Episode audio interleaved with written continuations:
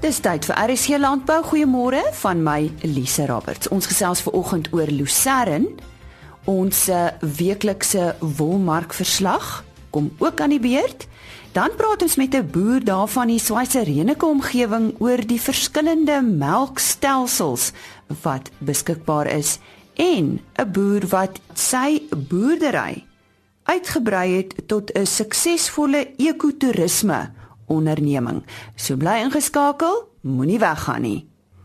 Ons gaan uh, nou so 'n bietjie gesels oor Lucerne wat uh, eintlik beskou word as die koning van hooi gewasse. En ons praat daaroor met Dawie Du Plessis van Agricol. Nou uh, Dawie, uh, ek wil sommer so met die met die uh, eerste vraag uit die heup uitkom. Watter belangrike dinge moet 'n mens in ag neem as jy nou Lucerne wil vestig? En ja, soos jy daar sê, in Lucerne is inderdaad 'n baie belangrike hoëgewas in Suid-Afrika, maar ook nie net in Suid-Afrika maar ook wêreldwyd. En almal is bekend met die gewas. Maar soos dit uh, gaan met enige gewas, het die genetika ook baie verbeter veral oor die laaste 5 jaar.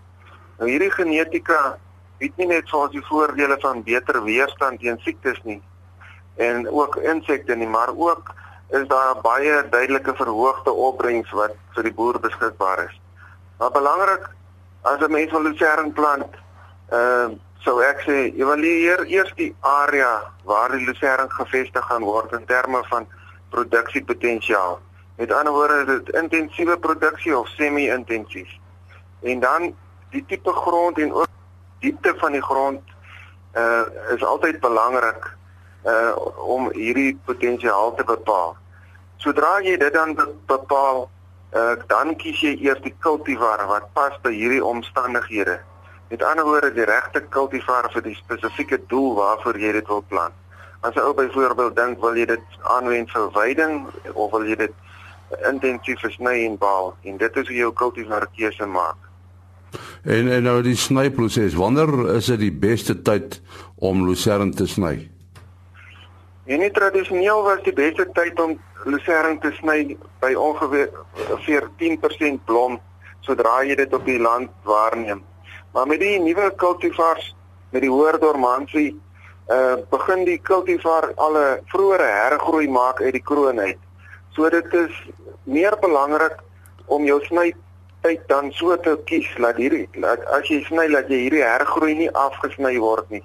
Want dit is eintlik jou volgende snit wat al klaar in wording is en sodra jy hom afsny gaan jy die volgende snit eintlik benadeel en vertraag. So 'n blomstadium is nie meer die alfa en die omega nie, uh, alhoewel dit vir jou indikasie kan wees. Maar onnodige te vroeg sny is is is ook onnodig. Dit uh, maak maar net addisionele kostes. So nou eerder die hergroei dop is meer belangrik. En dan nog belangrik dit sny is ehm uh, voorkom enige onnodige meganiese skade soos te laag sny of implemente wat sleep ehm um, en so aan dit is maar klein verstellingkies wat baie keer nodig is om gewoon om dan baie te spaar op jou op jou leeftyd van jou lucerne. Ek sou sê 'n ideale snyhoogte is omtrent so 5 tot 8 cm hoog. En nou nou die plant, uh, kan jy miskien 'n wenk daar gee? Ja, nee, ehm um, omdat lucerne 'n meerjarige gewas het, is is dit altyd sinvol om tydens die vestiging van die lucerne die mees gunstigste toestand te skep uh, waar die lucerne geplant gaan word. Ehm uh, so ek dink as die ouens moeite doen met hulle grondvoorbereiding soos met byvoorbeeld om verdigtingslaag op te hef en die land so gelyk as moontlik te maak, is absoluut net voordele op die langtermyn. En natuurlik dan ook die ouens moet grondontledings doen en dan hulle bemesting daarvolgens aanpas. En heel belangrik, plant dan op uh, onkruidvrye gelyk ferm saadbed. Hierdie ekstra moeite wat ou doen uh bring altyd vir jou weer geld terug in die sak uh, op die lang duur. Belangrik ook, moet nie on, onderbesproei of oorbesproei tydens hierdie vestiging as die as die saadjies net geplant is nie, want dit is baie belangrik om vir jou maksimum stand van die begin af te verseker. En dan baie belangrik, doen nog steeds addisionele verdere bemesting. Ja, jy praat so van van die stand van plante. Dis dis speel 'n belangrike rol, né? Nee? Ja, die die stand van plante is uh, uiters belangrik om 'n goeie opbrengs te, te kan verkry. en ook om die om natuurlik om die maksimum leeftyd van die blok te verseker. Die grootste vyand van lucerne is natuurlik gras wat inkom en dit gebeur wanneer daar kolle uh sou plaasvind of ver, veroorsaak word in in in jou lucerne landproduksie. Nie net alleen maak die gas dan ook laer uh opbrengste as gevolg van die kompetisie daarvan nie, maar dit lei ook na 'n swakker gradering van jou geproduseerde lucerne. Daar vind wel afsterwing plaas uh, van jou plante so oor tyd. Dit is as gevolg van onderlinge kompetisie van die plante, maar ook meganiese beskadiging en ook vertrapping en ook chemiese beskadiging. Maar hoe meer sterk plante jy kan vestig per vierkante meter van die begin af, hoe langer is dan jou leeftyd van die blok lucerne. Met ander woorde, plant skoon suiwer staat met 'n hoë kiemingspersentasie op die besmoontlike grond. En net so ietsie kort oor die verskillende soorte lucerne. Lucerne word verdeel in in 10 in dormansie klasse van ongeveer 4 tot 10. Nou jou laer dormansie tipes word gewoonlik gebruik as jou weidingstipes en die medium dormansie vir jou dubbeldoel wat met ander woorde sny en wy. Nou hoe hoër die dormansie waarde van die lucerne is, hoe meer is die kultivar winteraktief of wintergroeiend. Nou die hoër dormansie tipes dit dan ook die vermoë om selfs 2 of meer snysels per seisoen van dieselfde blok te kan oes. Nou Agricol het ook ander genetika uh beskikbaar. Byvoorbeeld uh om uh 'n kultivar vir verbrakkingstoestande te kan verdra. Hierdie kultivar het dan groot suksese op veral laer liggende probleemgronde naby riviere en so aan. So nog ander genetika wat ons ook het is die die multi-leaf of die meer blaar eienskap van die lucerne. Uh ons weet ook dat 30% meer van die proteïene kom in die blare as in stengels van die plant voor. Uh so dit maak dit moontlik om makliker premiegraderings te kan realiseer wat nog addisionele inkomste in die sak tot gevolg het. Nou ons sê baie dankie aan uh David Du Plessis daar van Agricol vir sy aansiggewende praatjie oor uh, oor lucerne wat beskou word as die koning van hooi gewasse. En nou vir ons nuutste wolmark verslag aangebied deur Jolandi Root. Goeiemôre.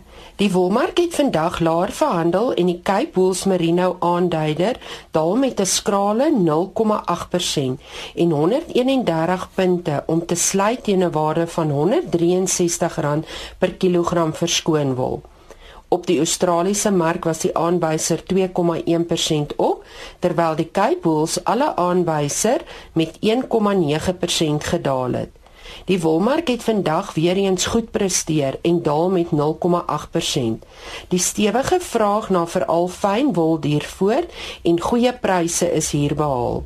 Mededinging was baie goed met Standard Wool wat die meeste bale gekoop het ten spyte van uitstekende wetywering van al die kopers.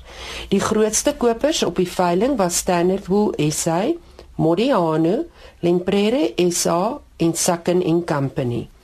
Die gemiddelde skoonwolpryse vir die seleksie binne die verskillende mikron kategorieë goeie langkamwol tipes was soos volg: 18 mikron neem toe met 1,7% en sluit teen R212,41 per kilogram. 18,5 mikron neem toe met 1,3% en sluit teen R104,37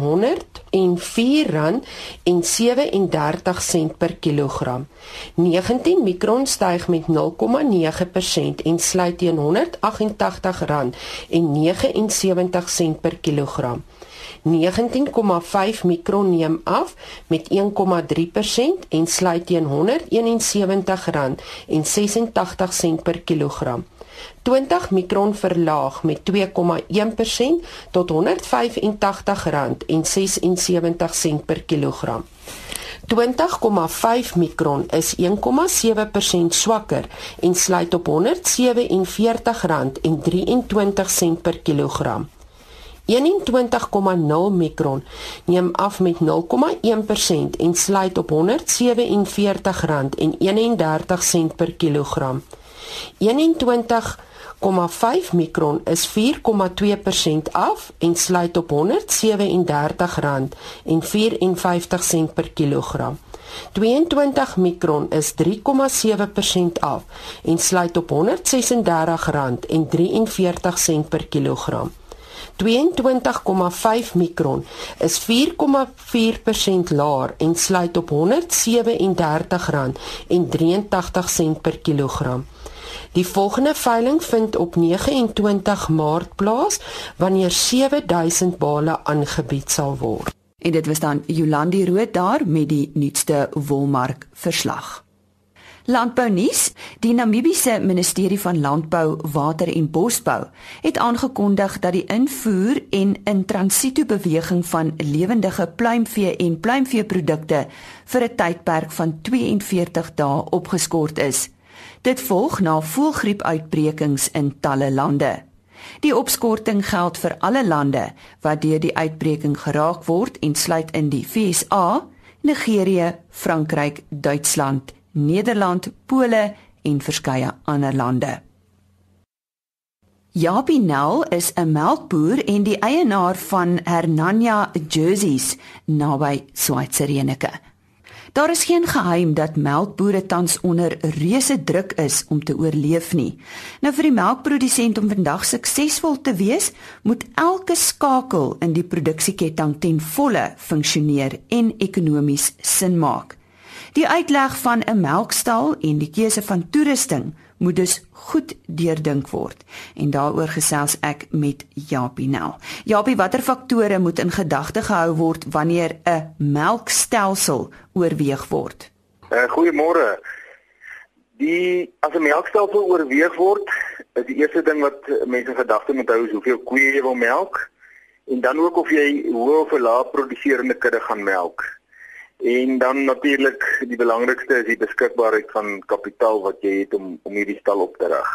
Nou ek sien ons verwys hier na 'n visgraad stelsel. Uh miskien kan jy net eers vir die luisteraars verduidelik wat dit is en uh hoeveel punte dan hanteer kan word met hierdie stelsel. By 'n vis visgraad stelsel kry ons uh twee soorte. Jy kry die statiese visgraad waar waar al die koeie staan en al die koeie gelyk gemelk word en dan kry jy die oorswaai tipe uh, visgraadstelsel waar die koeie aan die een kant gemelk word en jy dan dieselfde melkpunt gebruik uh, om die koeie aan die ander kant ook te melk. Die voordeel van die van die oorswaai stelsel is dat jou koei vloei ehm, 'n um, bietjie vinniger is want so solank jy aan die een kant melk kan jy solank die ander koeie laat in en uit gaan en sodra hierdie klaar kan jy onmiddellik oorsit na die ander stelsel toe. En hoeveel punte word dan hanteer? Ehm um, mens kan so 20 punte met gemak hanteer as jy 'n visgraadstelsel het waar jy die koeie voor laat uitloop. Maar sodra jy na 'n groter visgraadstelsel van 20 tot 40 punte gaan, uh, dan moet mense 'n rapid exit stelsel hê. Dit is waar die borsreëling voor die koei of oplig of in die grond insak en die koei dan vrylik al die koeie gelyk vrylik vorentoe kan uitbeweeg. Nou elke ding in die lewe het maar 'n voordeel en 'n nadeel. So wat is die voor- en nadele van 'n visgraadstelsel? Uh, die die voordele van 'n visgraadstelsel is dat die koeie direk langs mekaar staan, so hulle is rustiger uh, in die melkproses. En die ander voordeel is ook dat dit 'n uh, redelike koste-effektiewe stelsel is.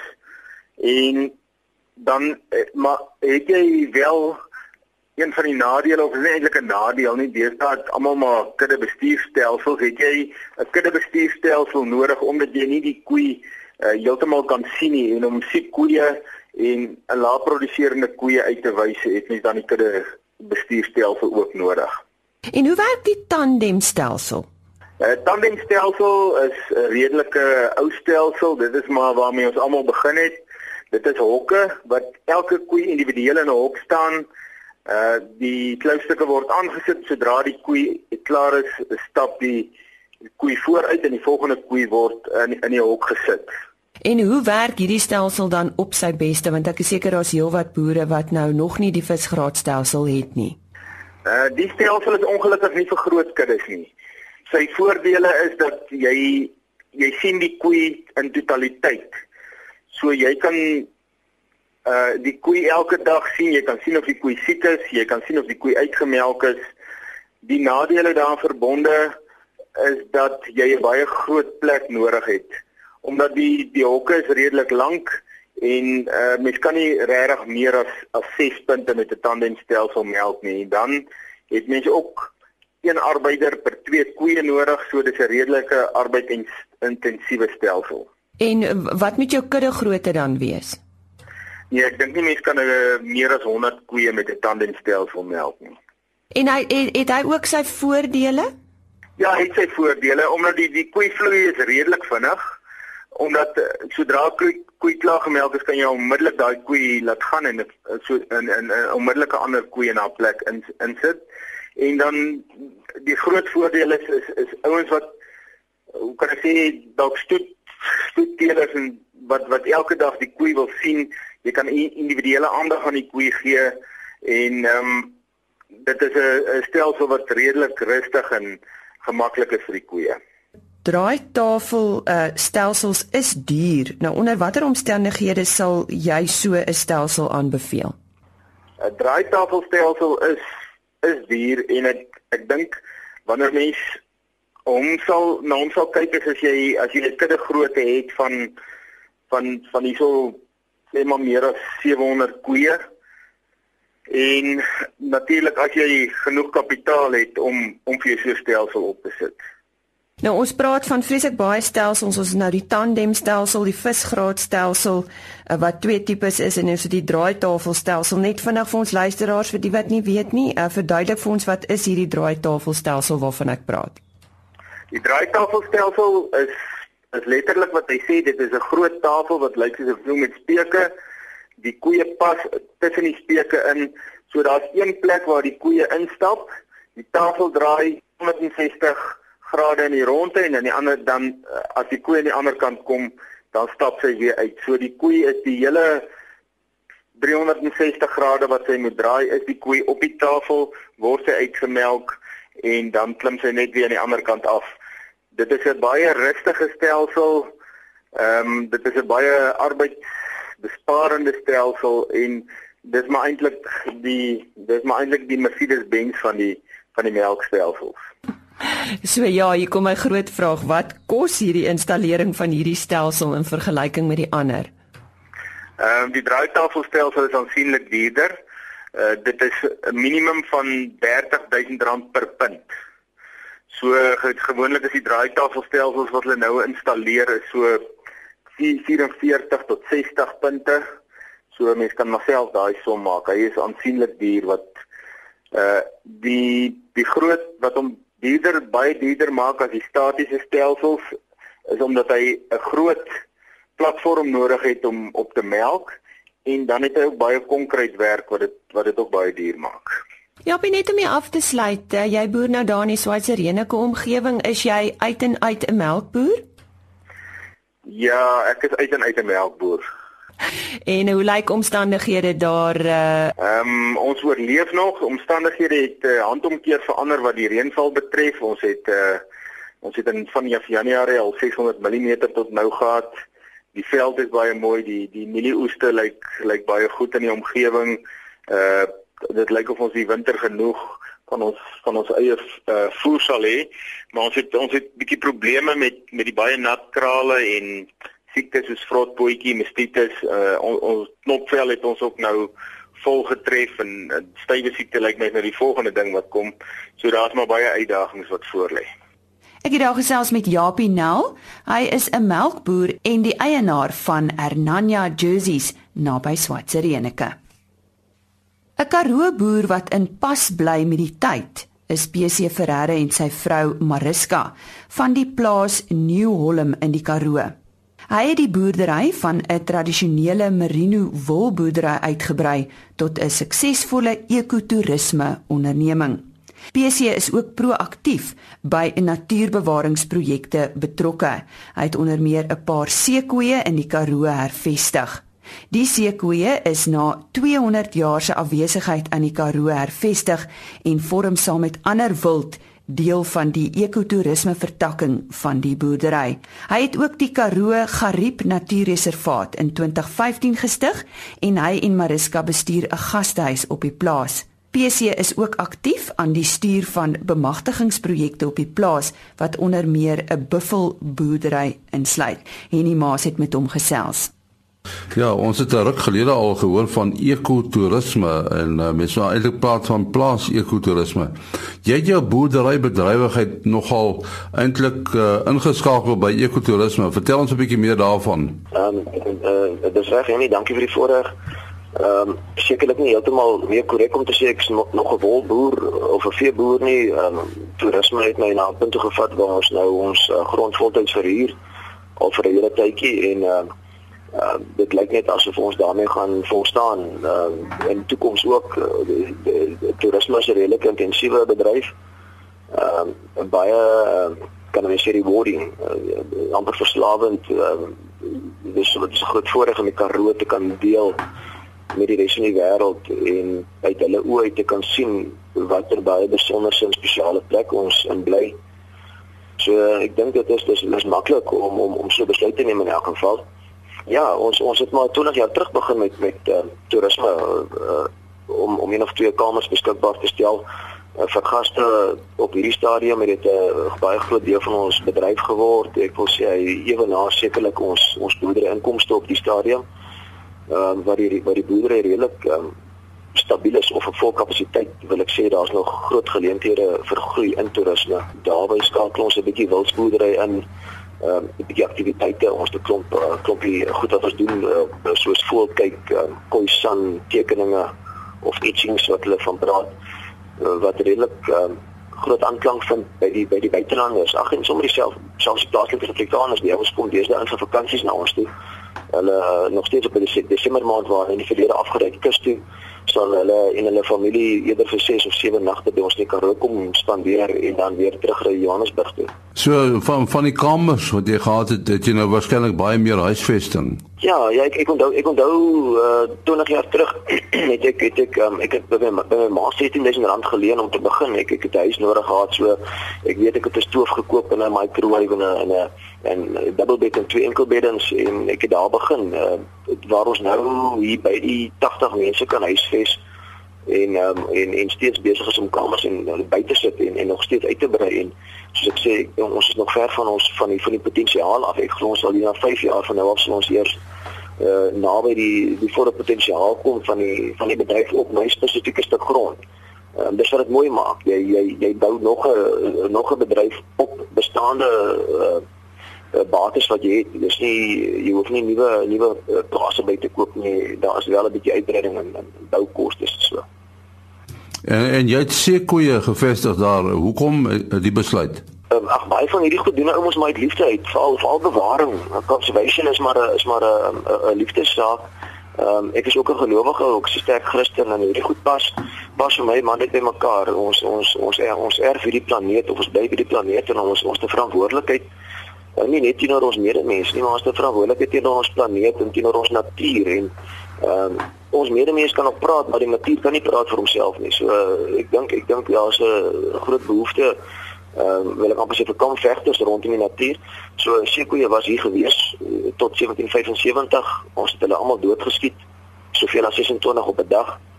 En ehm um, ek was in 'n wonderlike posisie gewees om om hierdie ding raak te sien en en in 'n posisie om hulle te kon terugbring uh, ook 'n baie stadige proses en uitdagende proses om om om dit reg te kry, maar ehm um, dit dit lok verseker toerisme. Ek het agterna eers gehoor van uh, van die slim woorde wat hulle sê dit dit gee vir my 'n 'n sustainable strategic competitive advantage. nou, dit is ook so. Uh, hulle bring definitief vir my 'n groot voordeel met toerisme bo my kompetisie byvoorbeeld. Maar uh, aanvanklik was dit definitief net 'n net 'n bewarings uh, uh, inisiatief geweest. Ja, lyk my eh, jy jy het met skaap geboer, nou boer jy met die natuur en met mense. Nee verseker, ek ek sou ek sou glo dis 'n kombinasie um, ons ons ons boerderyinkomste, ons het definitief 'n klompie inkomste opgeseë deur die grond te verhuur.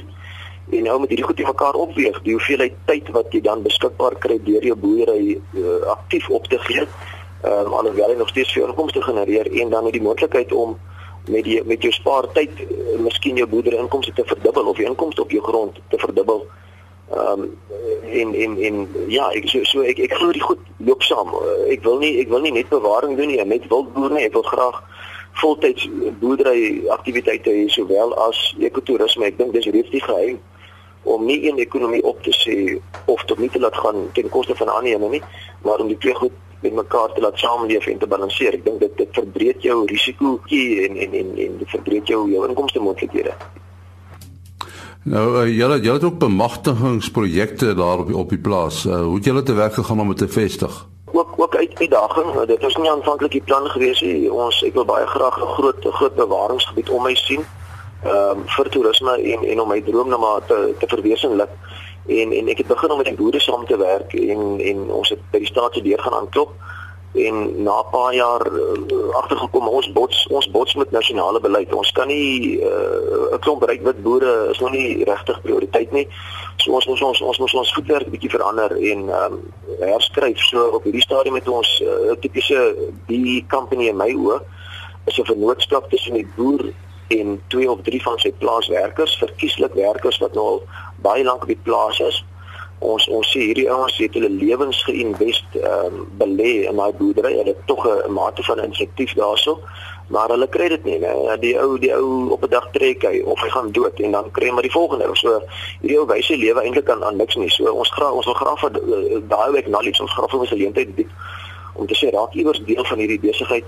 Ehm um, so vennootskap uh, bestaan dan uit 51% aandele uh, aan aan aan aan die swart vennote en 49 aan aan aan aan die boer om om om so beter BE rating te kry. Ehm um, dit niks met bates te doen nie, dit gaan bloot oor eienaarskap van van iets. Ehm um, in my geval ehm um, doen ek dit in in, in wild. So as ek as ek 'n troppie blou wille beeste byvoorbeeld uh, aanskaf, dan sal dan sal hulle uh, 51% aandeel in hierdie wille beeste hê en ek 49% uh dit ontsluit weer 'n klomp ander moontlikhede. Ehm uh, dit bring die ouens om 'n tafel saam. Ons begin praat oor besigheid, oor geld. Uh ons begin praat oor familie. Ehm uh, ons begin praat oor drome en visies. Goed wat uh geskiedkundig nie tussen die die boer en sy werkers gebeur nie. En ek glo as ek hier wat bly in my land en ek wil graag 'n uh, ander boer en ek wil graag uh, glo dat dat dat laat my land kan werk, dan moet ek hierdie goed ehm um, engage jammer vir Engels. Ek moet ek moet dit aanspreek, ek moet dit raak sien en probeer verander.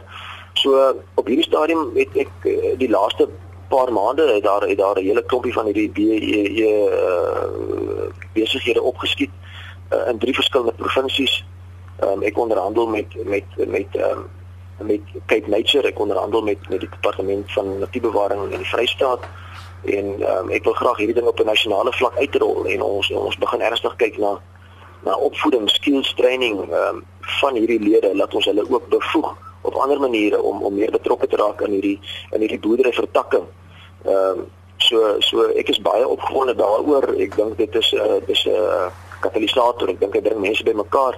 Ek dink ek dink hy vat hy vat konflik weg en ek dink um, dit is net wat wat nodig is in ons land. En dit was aan Henny Maas daar in gesprek met PC Ferreira van die plaas New Holm in die Karoo. Kom ons kyk wat is op môreoggend se program. Ons gesels oor 1 2 3 van wildvoeding. Ja, wat is belangrik? Dan praat ek met 'n voormalige werknemer van Monsanto wat nou betrokke is by die Lake Farm Center boerdery. Dit is net buite Port Elizabeth waar uh, hulle gestremde volwassenes leer om te boer. Ons loer ook in by die Western Landbou Skool daar in die middellande van Natal en praat met hulle oor hulle kudde projek. Dit is natuurlik van die nuus môreoggend. Ons uh, sal dit waardeer as jy weer saam met ons kan kuier. Tot dan. Totsiens. RSG Landbou is 'n produksie van Blast Publishing. Produksieregisseur Henny Maas. Aanbieding Lisa Roberts. En uitskoördineerder Martie Kerstyn.